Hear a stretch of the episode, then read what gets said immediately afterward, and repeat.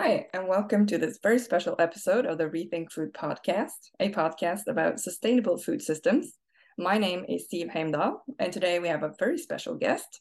It's author, rancher, and lawyer Nicolette Hahn Niman. Hello to you. Hello. Uh, thank you so much for joining me for this conversation, Nicolette. And for those listening, you might by now have realized that we will not be doing this conversation in Norwegian, um, as you might not have learned that many Norwegian words yet, Nicolette. Velkommen. Oh wow, that's really good. Well, maybe that's next one, time. That's one of the few words I know. well, that's really good. Uh, but um, I hope you listening will be able to join to follow our conversation, and if not, please send me an email afterwards, and then um, I'll try to try to explain and and help um, help you understand the conversation because um, I'm really looking forward to this.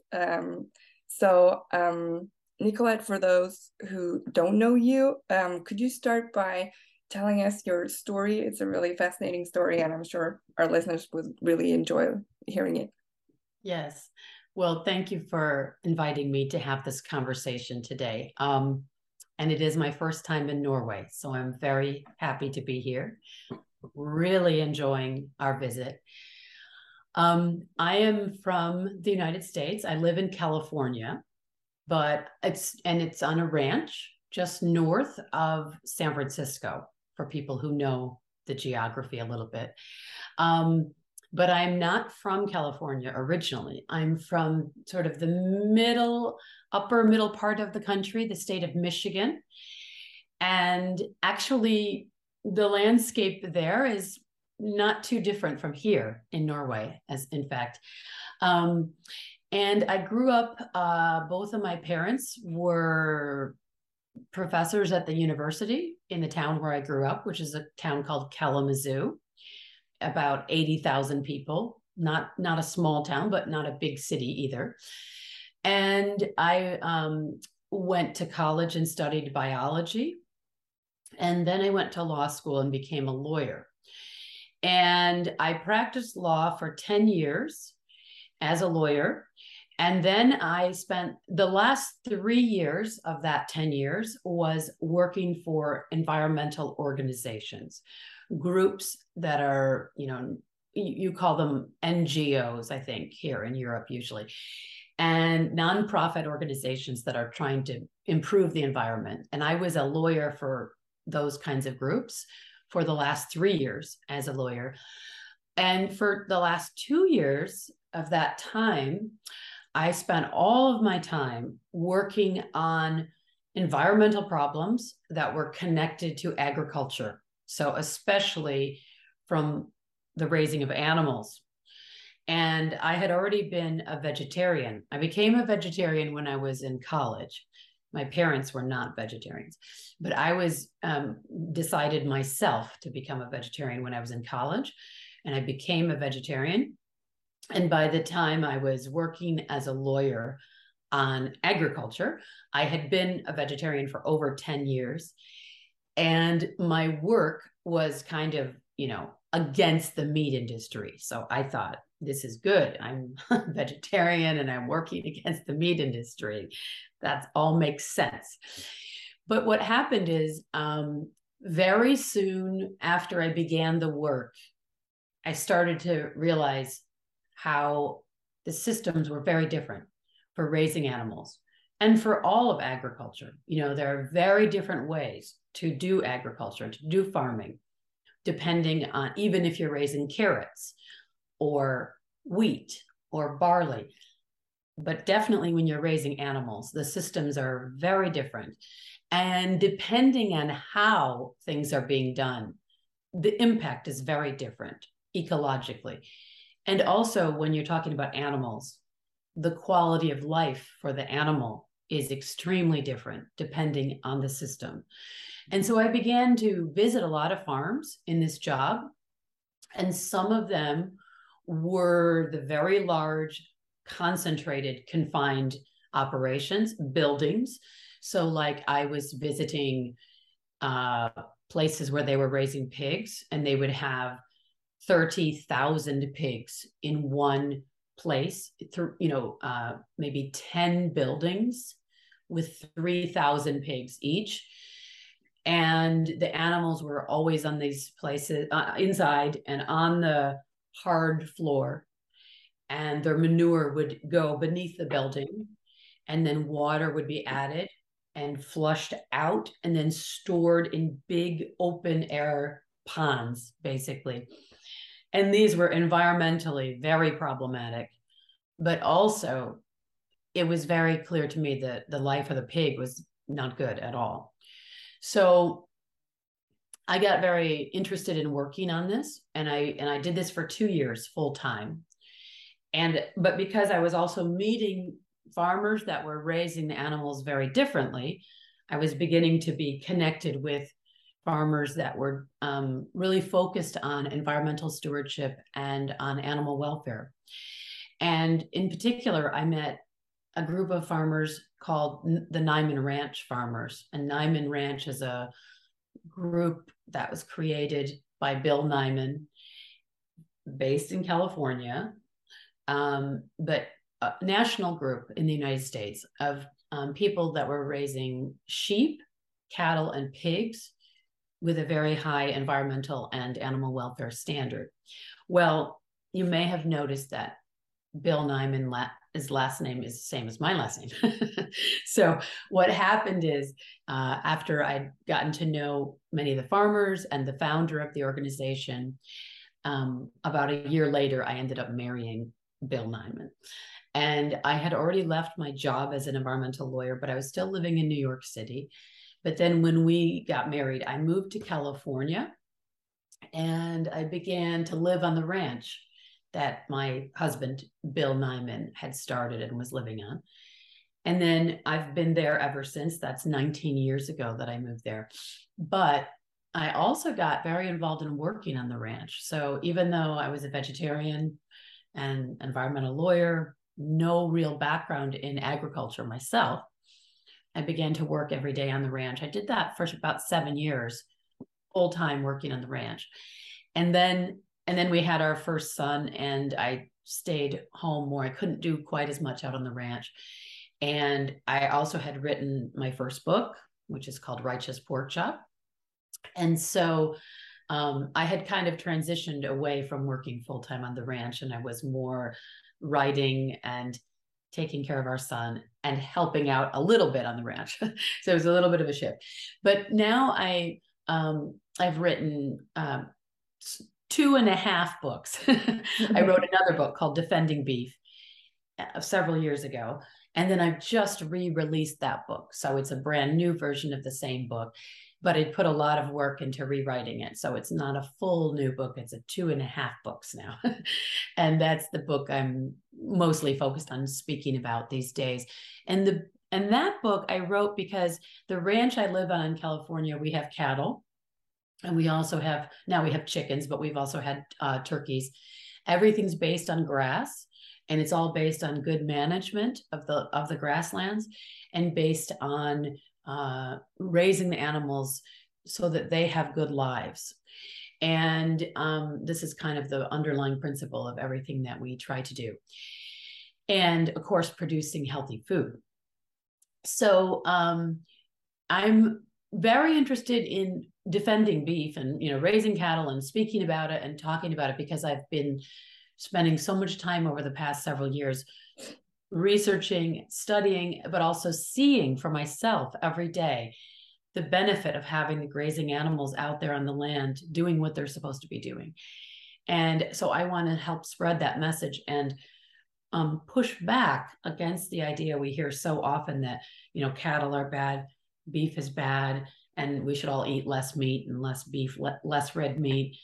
And um, uh, I'll tell you whatever you want to talk about, but I'll just mention briefly that I did start eating meat again a couple of years ago. So I was a vegetarian for 33 years, but I'm no longer a vegetarian because I've felt that it was best for my own health, my own diet, that I would add meat back in again. So I'm now again an omnivore as I was when I was younger, and I'm very happy about that. thank you for sharing your story, and and we'll get into uh, a lot of the topics you uh, you mentioned. But first, um, I'm, I'm just curious, why did you become a vegetarian in college? Um, I've been to the states and I visit some of the pig farms you mentioned, and I myself I was a vegetarian for about 24 hours when I was in the States. As you put bacon on everything, it's really hard to be to not eat pork in the US. Uh, but I, I, can understand um, if animal welfare was part of it, but what was your reason? Yes. Primarily, I think, I mean, there was a great deal of talk in the 1970s when I was growing up that fat was bad for you, and especially animal fat. So I already had this idea in my mind from years of hearing it that it was probably not good to eat, you know, fattier meats like and there is more fat in the red meats generally speaking. So I thought that was probably a good idea to reduce it, not eat very much of it just from that. But when I was in college, I was already very involved in environmental organizations and causes. And um, I became convinced that um, beef was too resource intensive and that it was, um, you know, if you were a good environmentalist, you would not eat beef. And then there was the fact that I was concerned about the animals. So it was kind of everything added together. But I would say the main reason I made the decision was because I thought it was a bad choice if you cared about the environment. So that was a long time ago. And then I went on this long journey that we talked about just now um, in my life. But I still remained a vegetarian mostly because I was, my health was fine, didn't have any problems with my health. And I didn't crave the meat. And I kind of thought, you know if i'm not craving it my body probably doesn't need it. Um, but that being said i always fed my children meat because i everything i fed you know eggs dairy fish meat everything. They were always provided the full complement of foods that's available. Uh, tried to find very good food you know nourishing food but um, and not too much junk food but all the types of foods. Um, but a few years ago, when I turned 50 years old, I thought it was really important that I make sure I was getting all the nourishment that I needed from the foods that I was eating. And I became more and more convinced that I wasn't getting enough nutrition from a vegetarian diet. And in particular, when women, you know, get to be about this age, they tend to um, begin to pretty dramatically lose muscle mass and bone density. And there's quite a strong relationship between those two things. And I and I didn't really know much about this, but I had begun doing a lot of reading about it. And I read two books about bone health and how your bones are created and maintained. And increasingly, I thought, I don't want to start taking a bunch of pills as I get older. I want to eat really nourishing food and stay healthy from the food. And so I decided to try. Also, I was always hungry for the 33 years that I was a vegetarian. I don't know how your 24 hours went, but but for 33 years, I found I was hungry almost all the time. Even after right after eating a meal, I was still hungry. So I more and more I had been reading books about how our bodies get nourishment and how we know what to eat you know how we have a an inherent nutritional wisdom and we have some ability to seek out and to know the foods that we require. And i started to think my own hunger was a signal that i was not being adequately nourished. And so i just decided i'm going to try eating meat and see how it goes. And it has been very successful. And i think I'm now getting all of the nourishment I need from my food. Yeah, I think that's really interesting how um, we get more knowledge and then we also learn that uh, our bodies change and that also means that we might have to change our diets throughout our lives. I think yes. there will be more and more um, science and we learn more about that as um, as time goes on. Um, agreed. it's really interesting also how food can be can be medicine. If we eat more right, then maybe we won't be be as sick. Yes. Um, but you're from the U.S. and uh, the U.S. is very different from from Norway, and we already you already said explained how the um, the uh, uh, pig farms um, are, uh, many of them are in the U.S. Could you um, could you explain what an average farm is in the U.S. and how your farm is different? Yes, well, it's hard actually to talk about an average farm because there is such a variation. There's such a diversity, but in general, generally speaking, um, the animals increasingly in the United States are being raised indoors. Now, that is not true for beef cattle. So, beef cattle are raised extensively, they're raised outdoors. However, um, the the animals that are being raised for meat, you know, that are usually about one year old, are going into a feedlot. So they're it's an outdoor area, but it's concentrated. So they're like in they call them feed yards or feed lots. So they're in pens and they're quite uh, densely concentrated in those pens. And then they're fed. The food is brought to them. And that's a mixture often of soy and other grains.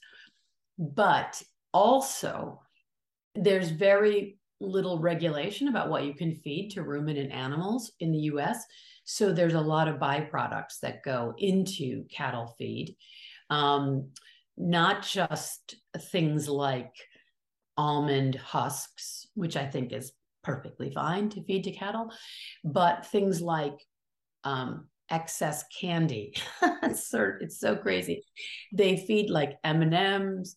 I mean, it's not you would walk into any cattle feedlot necessarily and see this, but these are there's a wide gamut of things that are being used. Almost anything can go into cattle feed. So um, they will use shredded cardboard sometimes. I mean, there's just a huge range of stuff that goes into the feed, and it's not very tightly regulated. So, and they also often add um, antibiotics into the feed or other types of um, pharmaceutical products that are designed to suppress disease or to stimulate growth. So there's a real problem with the feed. And also in the US, unfortunately, it is legal to use hormones for beef cattle. Overall, I think the beef cattle system is the least troubling because you have with pigs, chickens, and turkeys and dairy cattle, you have systems that are worse because the animals are always inside, they're in barns, they're very tightly confined.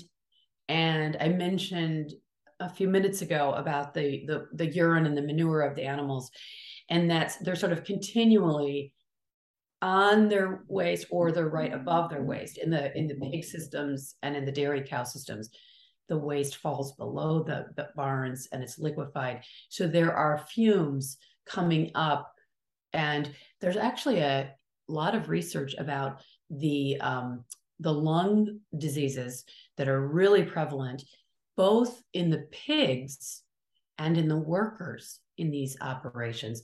So you know, in my mind, those systems for pigs and chickens, turkeys, and dairy cows are very problematic, both for animal welfare, environmental, and even human health concerns.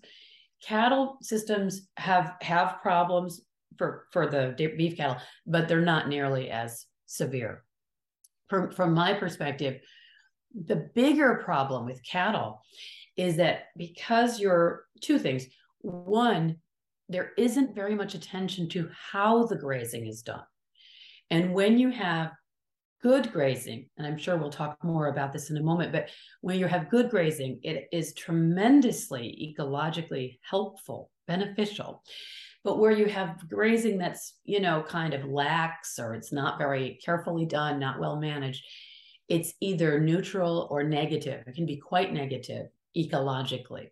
So one of my my main concerns about the the beef cattle side is there isn't nearly enough attention being paid to the, how the grazing is done.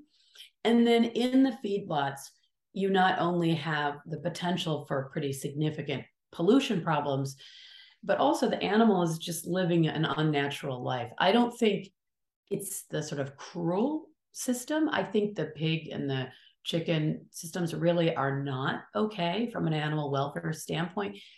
The beef cattle system, I don't really think there's that much of an animal welfare problem. I've been to a lot of them, I've seen them.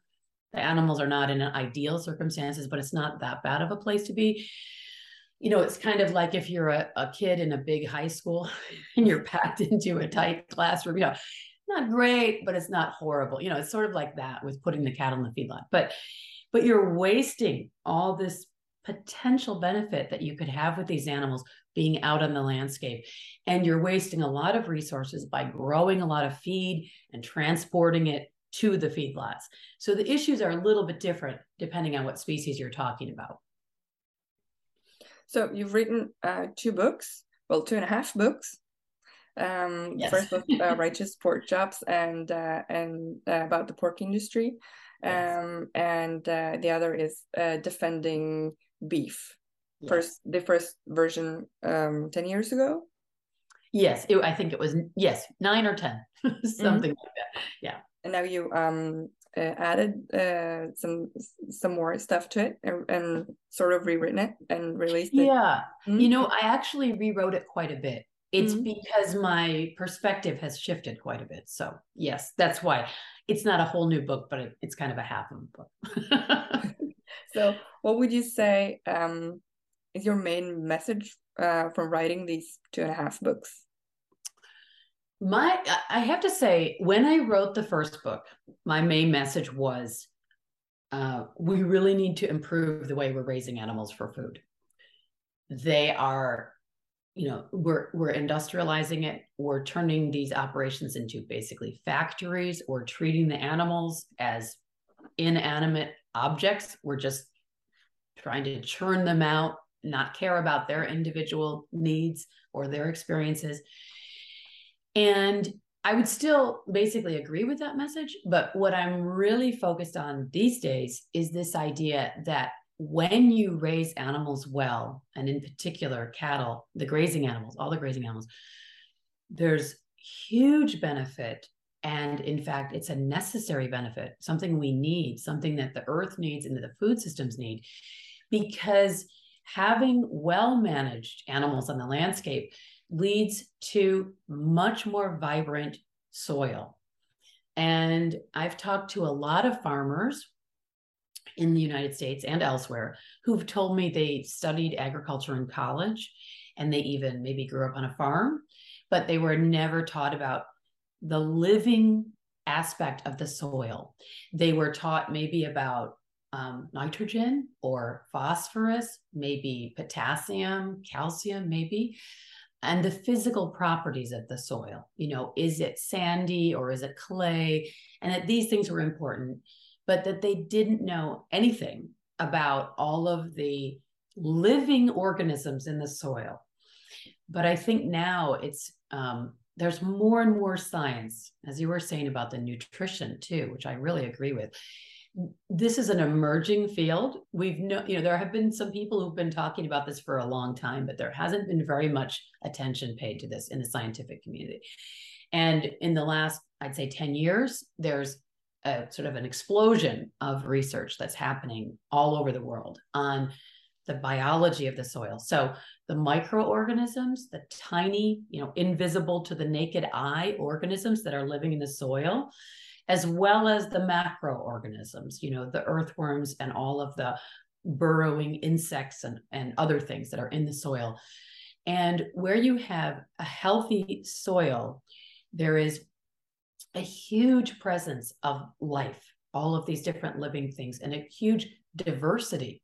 So you have both a lot of quantity of all these living organisms and a, and a lot of quality because there are many different types. And it turns out that that whole system below ground, all of these living organisms in a healthy agricultural system, they actually make it possible for all the living organisms, the plants, to take the energy of the sun and to convert that to carbon that they give to the soil in exchange for whatever the plant needs. And so you have a system with many different components and many parts that works together. And in agriculture, we have not thought like that for a very long time. You know, for decades and decades, there's been this focus on nitrogen, phosphorus. And if you don't have enough nitrogen in your soil, you just add more. You know, you put chemical um, fertilizer on, et cetera. And we think if you have a plant that we don't want there, it's a weed, and we put, uh, you know, an herbicide, a chemical on for that to kill that too. And so in conventional agriculture, there's a lot of focus on reducing the living things, killing this thing that we don't want, killing this insect, killing this plant that we don't want, and then trying to get one thing to come out of the system. And as I wrote my books and really learned more and more about regenerative agriculture, I became increasingly convinced that it's almost the opposite of the regenerative mindset, which is you're trying to foster life and diversity of life and understand the system and how everything's connected.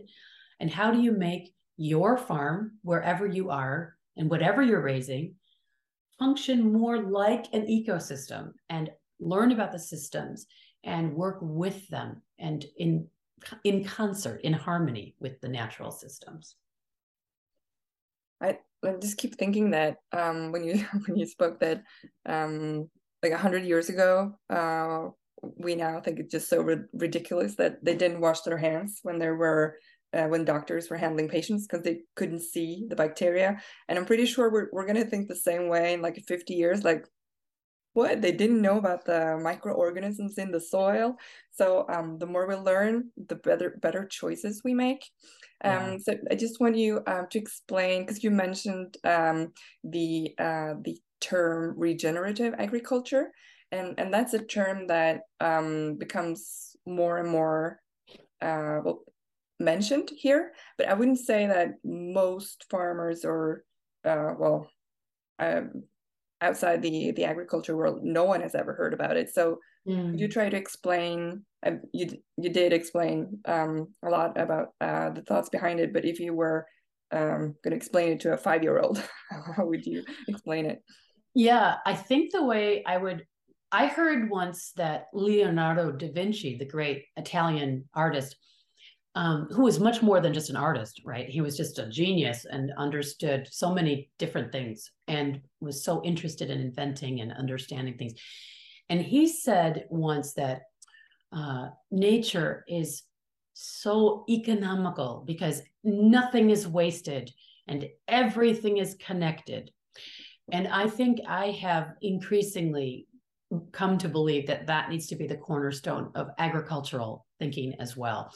So, what you're trying to do in a regenerative model, and I don't, um, by the way, you asked about our own ranch earlier, and I haven't really responded to that part yet of your question, but I do not think our farm is perfect, our ranch. You know, everybody is learning more all the time and trying to improve. So I we are on on our ranch, we are still on this journey and will be forever until we die. So so there's no like perfect system, you know. But the concept is to think of it as like an ecosystem where everything is connected, all the living organisms. And I haven't really talked much about the fungal organisms, but fungus, fungi are a very important part of these systems as well. So in healthy soil, you have all different kinds of living things and you have much of what's really important in that soil are microscopic fungal organisms. They're fungi, and they are actually very important for the plant to interrelate with the soil because they actually help foster the exchanges between the plant and the soil for nutrients and carbon back and forth. And they do a great deal more. So there's a whole network of fungal um, threads connected down in the soil, in healthy soil, that does a lot for the soil in terms of using, creating space for the water and exchanging information between the different plants. And there's just this is unbelievable um, list of things that they do, functions that they do. But to go back to what I would say to a five year old, what I would say is in nature, all the living things, all the plants, all the animals, and all the fungi are connected and they work together and they exchange things, they trade things. And when you're trying to do a regenerative farm, you're trying to set up the same kind of system. You're trying to work with whatever climate you have, whatever water systems you have, whatever uh, wildlife you have there. And you're trying to figure out how you can produce food using the natural resources that are there in a way that you're continually regenerating the soils and that you're ultimately producing food that's very nourishing.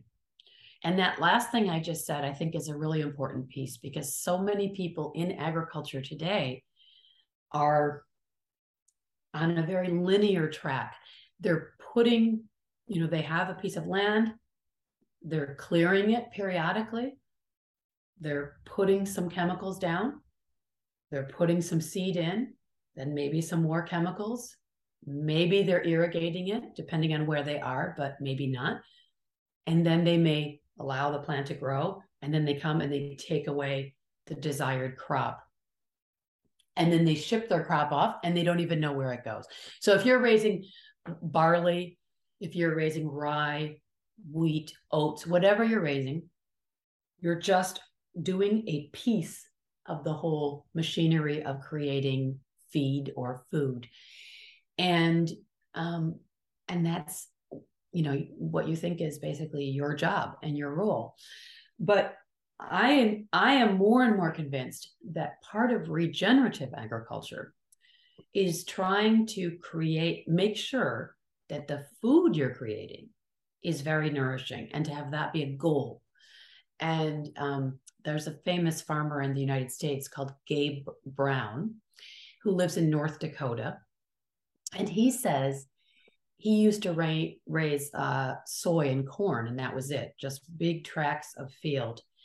And he said, he says he used to just raise feed for animals, not food for humans. And he had no idea, you know, where it went and what happened to it or or how nutritious it was even as feed. Um, but also that this is kind of a joke the way he says it but you know he's making a point. He says every morning he would wake up and think what am i going to kill today? You know what what insect do i need to kill? You know what what plant do i need what weed do i need to kill out there? What fungus do i need to kill? And that as he shifted because he he got more and more diversity in his farm he began using cover crops that had dozens even he said he went as high as 100 different types of seed to put into his cover crop. And he reintroduced animals and made his farm very diverse in terms of the types of animals.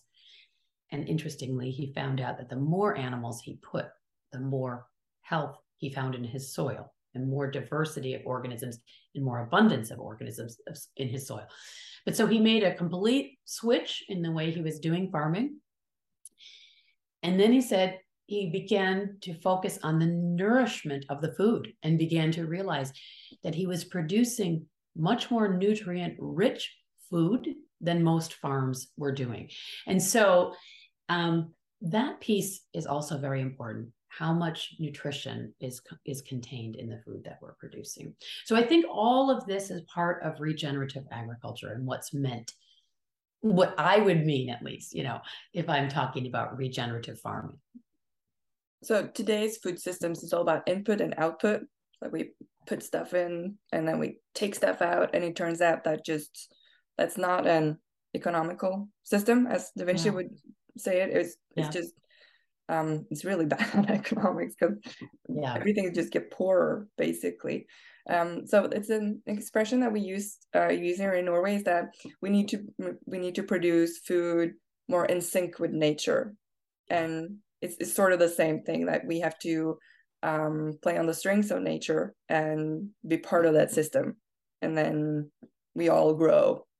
Uh, instead of the opposite, which sadly we are now. But I've heard you on a different podcast, um, and I feel it's um, also the point that Gabe Brown was making that the more animals you bring, um, the more life will appear in in in the soil and the plants and and so on. Can you can you explain how that how that works? Yeah, I mean, I think it's it's it's a very important point because, you know, sort of ironically, we're just hearing over and over again that we need to reduce the number of animals on the land. And from talking to people like Gabe Brown, as well as my own experience, and also meeting many farmers and ranchers over and over all, all different places, I have learned this repeatedly that where you have well managed animals, you have more life. And it goes back to this the Savory Institute in the United States, which well, they're based in the US, but they have they work all over the world. They they talk about something I like I like their phrase. It's animal impact is the term they use. So they say you need to have animal impact on the land to catalyze, to trigger all of these life forms that we've been talking about. But then you also have to have the animal impact removed because you have to have rest. And it's both pieces. You need the rest, but you also need the animal impact.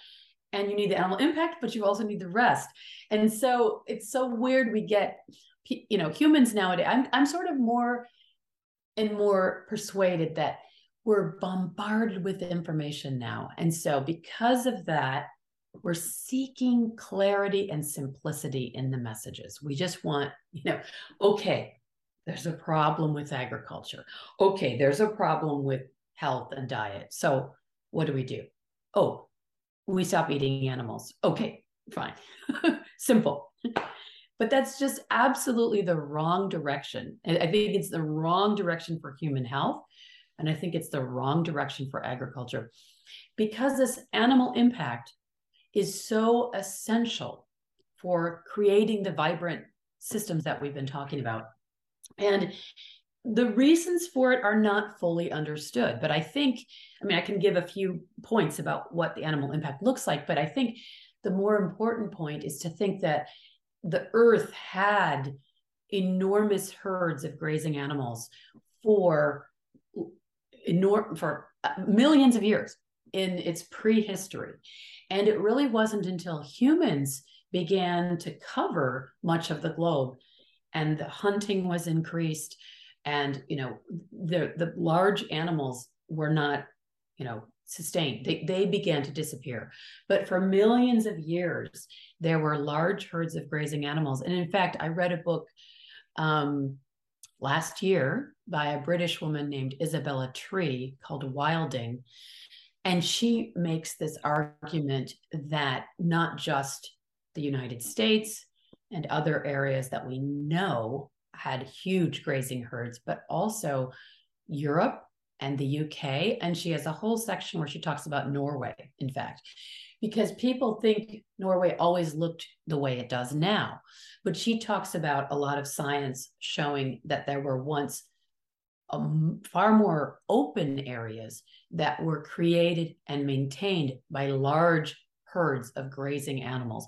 So Norway and the UK and the Europe had huge herds of many different types of grazing animals in the past.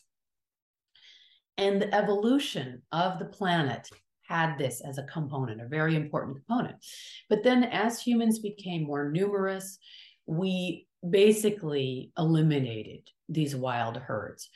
And you know not just from hunting but also from just development you know just creating human settlements. And so the areas were broken up where the grazing animals were and so forth. And they began to have more and more uh, difficulty just like the carnivores. The carnivores had even more difficulty because they need huge spaces and humans are very unhappy to have you know lions tigers bears wolves nearby. So humans tend to try to eradicate the large carnivores. So the whole system, which was very much in balance for millions of years of having large herds, large packs, and um, you know uh, groups of predators, um, keeping it all in balance, it just got dismantled. by human development. So, what the modern movement is trying to do is to learn from that and to try to mimic the animal impact that the earth always had with these domesticated herds like cattle. But because we don't have the carnivores, that's the human role. The human has to keep the animals somewhat more closely congregated and to manage the movements and to manage the numbers of the animals. So, this is kind of the whole theory behind regenerative agriculture that there was a I mean, I'm not, I shouldn't say that because maybe some people don't, you know, who are in the regenerative movement don't believe everything I just said or whatever, don't agree with it. But that's how I believe, that's how I view it. And um, the animal impact is about the grazing. So clipping the vegetation, which allows more diversity of plant growth because the later sprouting species can get the sunshine and the rain. And it's about the hooves, which have, and actually, Alan Savory who's you know a, a wildlife ecologist and a great um, spokesperson for this whole movement he believes that the um, the hooves are very very important in the weight of the animal that you need these big heavy animals. That's why he thinks cattle are so essential because you really need to sort of um, break up the surface we hear about compaction all the time with grazing animals, but he says actually they tend to chop up the surface more with their presence. And it depends on the geography. The issues are a little bit different depending on where you are, but they definitely press the vegetation and the seeds into the earth, which helps the, the germination. And then, of course, you have the urine and the manure helping not just to add moisture into the system, but to add um, obviously the nutrients of the manure and the biological activity that is in the manure, the, the microorganisms. So all of these things sort of catalyze the health of the soil. And that's why the animals are so important and, and in, a, in a truly regenerative system. And actually, I'm quite certain you cannot really create a regenerative food system without a lot of animals. So, um, where we are today, uh, we have some um, climate is- issues and we have some um, uh, biodiversity issues. Um, so we have a lot of problems that we need yeah. to solve, um, and um, creating a better food systems um, are definitely a big part of it.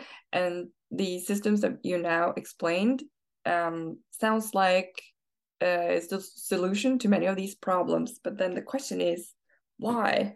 Why don't more farmers? Why don't more people um, want to uh, start on this journey. And uh, there's and this is uh, one of the main topics that we we work on is that in order to uh, get people to change uh, we need to make it positive and um, uh, people need to see the opportunity. So the question is how do we make it profitable? How do we make this good system more profitable than creating food in a in a bad way? Uh, i'm sure you've been asked that a lot uh, also uh, so um, what's your what's your thoughts on that well i could not agree more about the importance of making it viable and attractive for farmers because i'm not interested in forcing farmers to do things i'm really interested in creating um, sharing information and creating opportunities. And I think the government has an important role. I mean, there are many different players in this. You know, I think consumers have an important role in terms of trying to seek out and purchase the best possible food that they can afford and um, buying directly from farmers wherever they can or through cooperatives of farms and things like that. Um, but also, the government is subsidizing agriculture almost everywhere in the industrialized world. And the subsidies almost universally are mostly about producing more and about you know per, maybe sometimes producing particular commodities that are believed to be important et cetera but not so much about the how. So we need governments the governments in norway as well as in the united states to be much more shifting the resources towards creating opportunities to have to try new systems and to um, adapt on their farm to to more systems and um, more regenerative systems. And and um, my host here in Norway um, Trond. I'm not sure I can say his last name correctly, but I would say Kavale. I'm not sure if that's correct, exactly Norwegian pronunciation, but that's how I say his name. Um, who I've already learned so much from on this visit, and I've known him for many years on on Facebook. Um, but we were talking just about how so much more could be done in terms of making it possible for farmers to do this, you know, and that in Norway there has not been very much um, assistance for creating a regenerative farm if that's what you're you know want to do. And i think there are many farmers who want to do this and especially younger farmers really seem very drawn and people who are not farmers actually but they're young and they want to get into regenerative farming in fact i am i am on Trond's family farm right now as i speak to you and they have several young people that have come here from other parts of the world because they're trying to learn about regenerative farming and they want to work on this farm to learn about it firsthand. So that shows how much interest there is among younger people. So we need to help um, make it possible for younger people to learn and to get access to land and to be able to start maybe do some apprenticeships and then start their own farm. That's the same problem we have in the United States. And I've also just, I was for a week in England and Wales just now before coming here, and it was the same problem there. So I think this is quite uh, prevalent in the industrialized world that you have younger people who are very interested in these producing this kind of food and using this kind of farming technique that's in sync with nature. Um, but there are it's there are many obstacles so i think the government my my advocacy is not to say you know we need to immediately shut down these other kinds of farms but rather to say let's move the food system as we go into the future let's move it this way and let's make it possible for the younger people who have the passion and the energy to to start farms that look more like nature and how do we do that and that will vary in every place and in every country about the best ways to make that happen. But I think there's much more that can and should be done. Because um, the system right now is all about uh, cheaper, yes. faster, more. Yes. Um, so, um, how do we uh, change that to? Well, if we are to produce more in sync with nature, we need to um, accept that it maybe takes a longer time. Mm. That's not something we humans like to. We're really impatient as a species. Um, uh, so that that's interesting. And on top of that, it's the whole uh, climate thing. And the title of your book is Defending Beef. And you talked about health as a part of it, uh, but I'm sure um, uh, that climate um, a lot in Norway. That's a big deal. Like um, meat is just equivalent to not good for the climate. Um, mm-hmm. And I wanted to ask you, since you're an American, um, that uh, recently um, they uh, passed a big climate bill, uh, mm-hmm. but uh, food production was not part of it. So, do you think that uh, there will be more pressure on also the American food industry to become more well to to reduce its um, emissions? Um, and how do you see how are we going to uh, work at these two thoughts at the same time that yes we do need to re- reduce emissions but we also need food 10 years from now yeah so there's a lot there's a lot of questions there mm. let me i just first want to say that i'm i'm a believer in climate change and i believe it's urgent and important that this be addressed. So my book is not in any way denying, or any of my work is not denying that climate change is happening or that it's human caused. But I'm actually, I feel like we have just so misdiagnosed so, so much of the problem. And the role of soil and the loss of carbon from the soil has been almost ignored in the whole climate discussion for a very long time. Um, so so uh, you know in my book defending beef i have a whole big discussion about climate change. In fact it's a large portion of the book. Um, not just sort of what i think are the misdiagnoses. I think there's there's far far far too much and um, an, an enormous amount of misunderstanding and information that's wrong about cattle, and methane. So I go into that in a lot of detail. But I also, in the book, but I also talk about how well raised cattle are very much a part of the solution because you're reincorporating carbon into the soil where you have good grazing systems. And there's really good anecdotal information as well as some studies, you know, but it's quite new. This is kind of a new field as we've been discussing.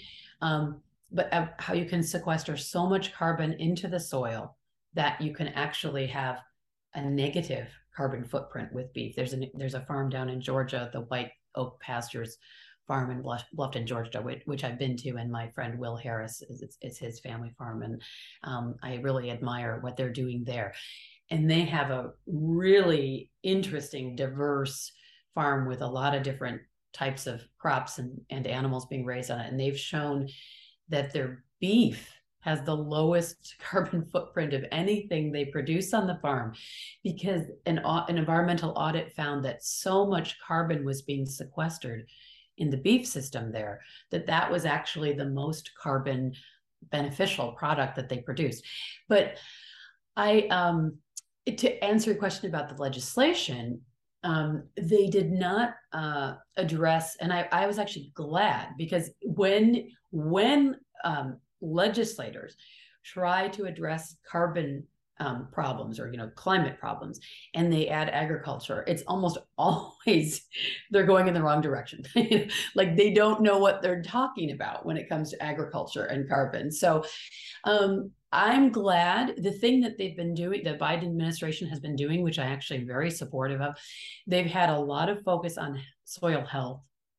And from right from the beginning the Biden administration immediately introduced um, better, I think, better policies related to um, incentivizing carbon um, sequestration in the soils and agriculture, not just with animal agriculture, but in all agriculture, really focusing much more on the health of the soil and on how much carbon is being kept and being returned to the soils. And there's such a deficit of carbon in the soil worldwide and definitely in the United States, that I think that's just very important and very necessary. Um, and what I'm pleased about, um, some environmental um, advocates don't like this, but I'm really pleased that we're not looking at some kind of carbon tax or methane tax to the livestock industry in the United States because I just think that's so dumb. Okay. I think that is so unhelpful and it's not going to fix the climate solution and it is you know the climate problem is definitely not going to fix our food system. So i am it's just penalizing farmers. And farmers are struggling everywhere. And to make it just harder and harder and to vilify farmers more and more is exactly the wrong approach. We need to be working with farmers. We need to be collaborating and sharing information and um, teaching new ideas and new approaches and talking about you know um, um, teaching people and showing people how to create better soils and why that's so important and then showing ways to become more profitable on the farm. So i love another thing about will harris's farm in georgia in bluffton georgia the white oak pastures farm i was talking about it was a very simple kind of monocultural type farm and they've made just like Gabe Brown, they've made it a very complex farm with lots of different things happening and a lot of different products. And they have said, and Gabe Brown has said the same thing, that they went from almost bankruptcy to very profitable and employing many, many people.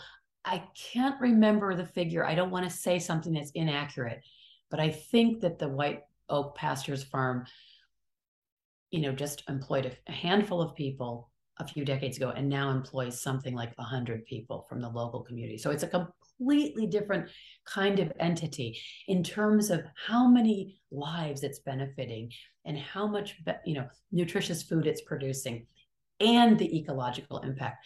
So regenerative agriculture is about all of that. Because um, I instead of taxing, well, adding a methane tax or a carbon tax, uh, the one thing um, people have been talking about here is um, carbon farming. That instead of um, taxing or adding um, something for the the methane, the farmers should be paid for actually storing carbon in their soil. Yes, and we have that term as well, the carbon farming idea. There's a big uh, pilot project looking at that idea and trying it out. I mean, just how much more carbon can be added and how is the best way to do that.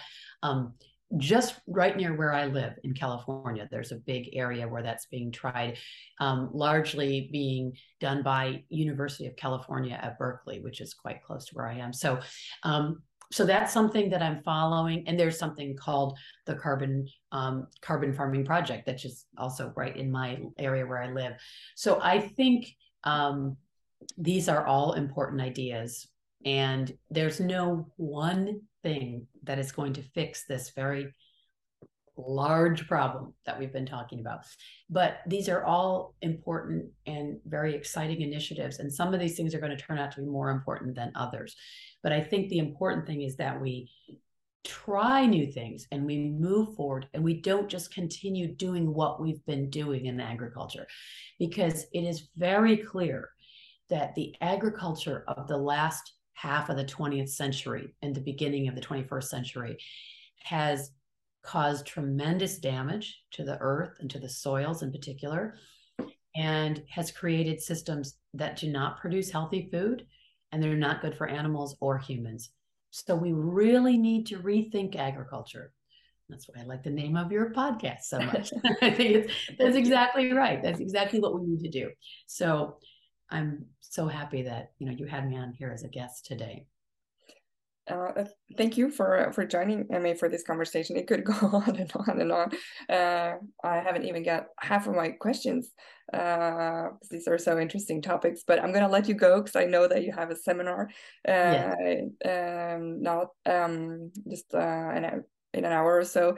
So thank you so much for joining me, and I hope that we can continue our conversation later. And uh, thank thank you to Trond Trond for setting up this interview.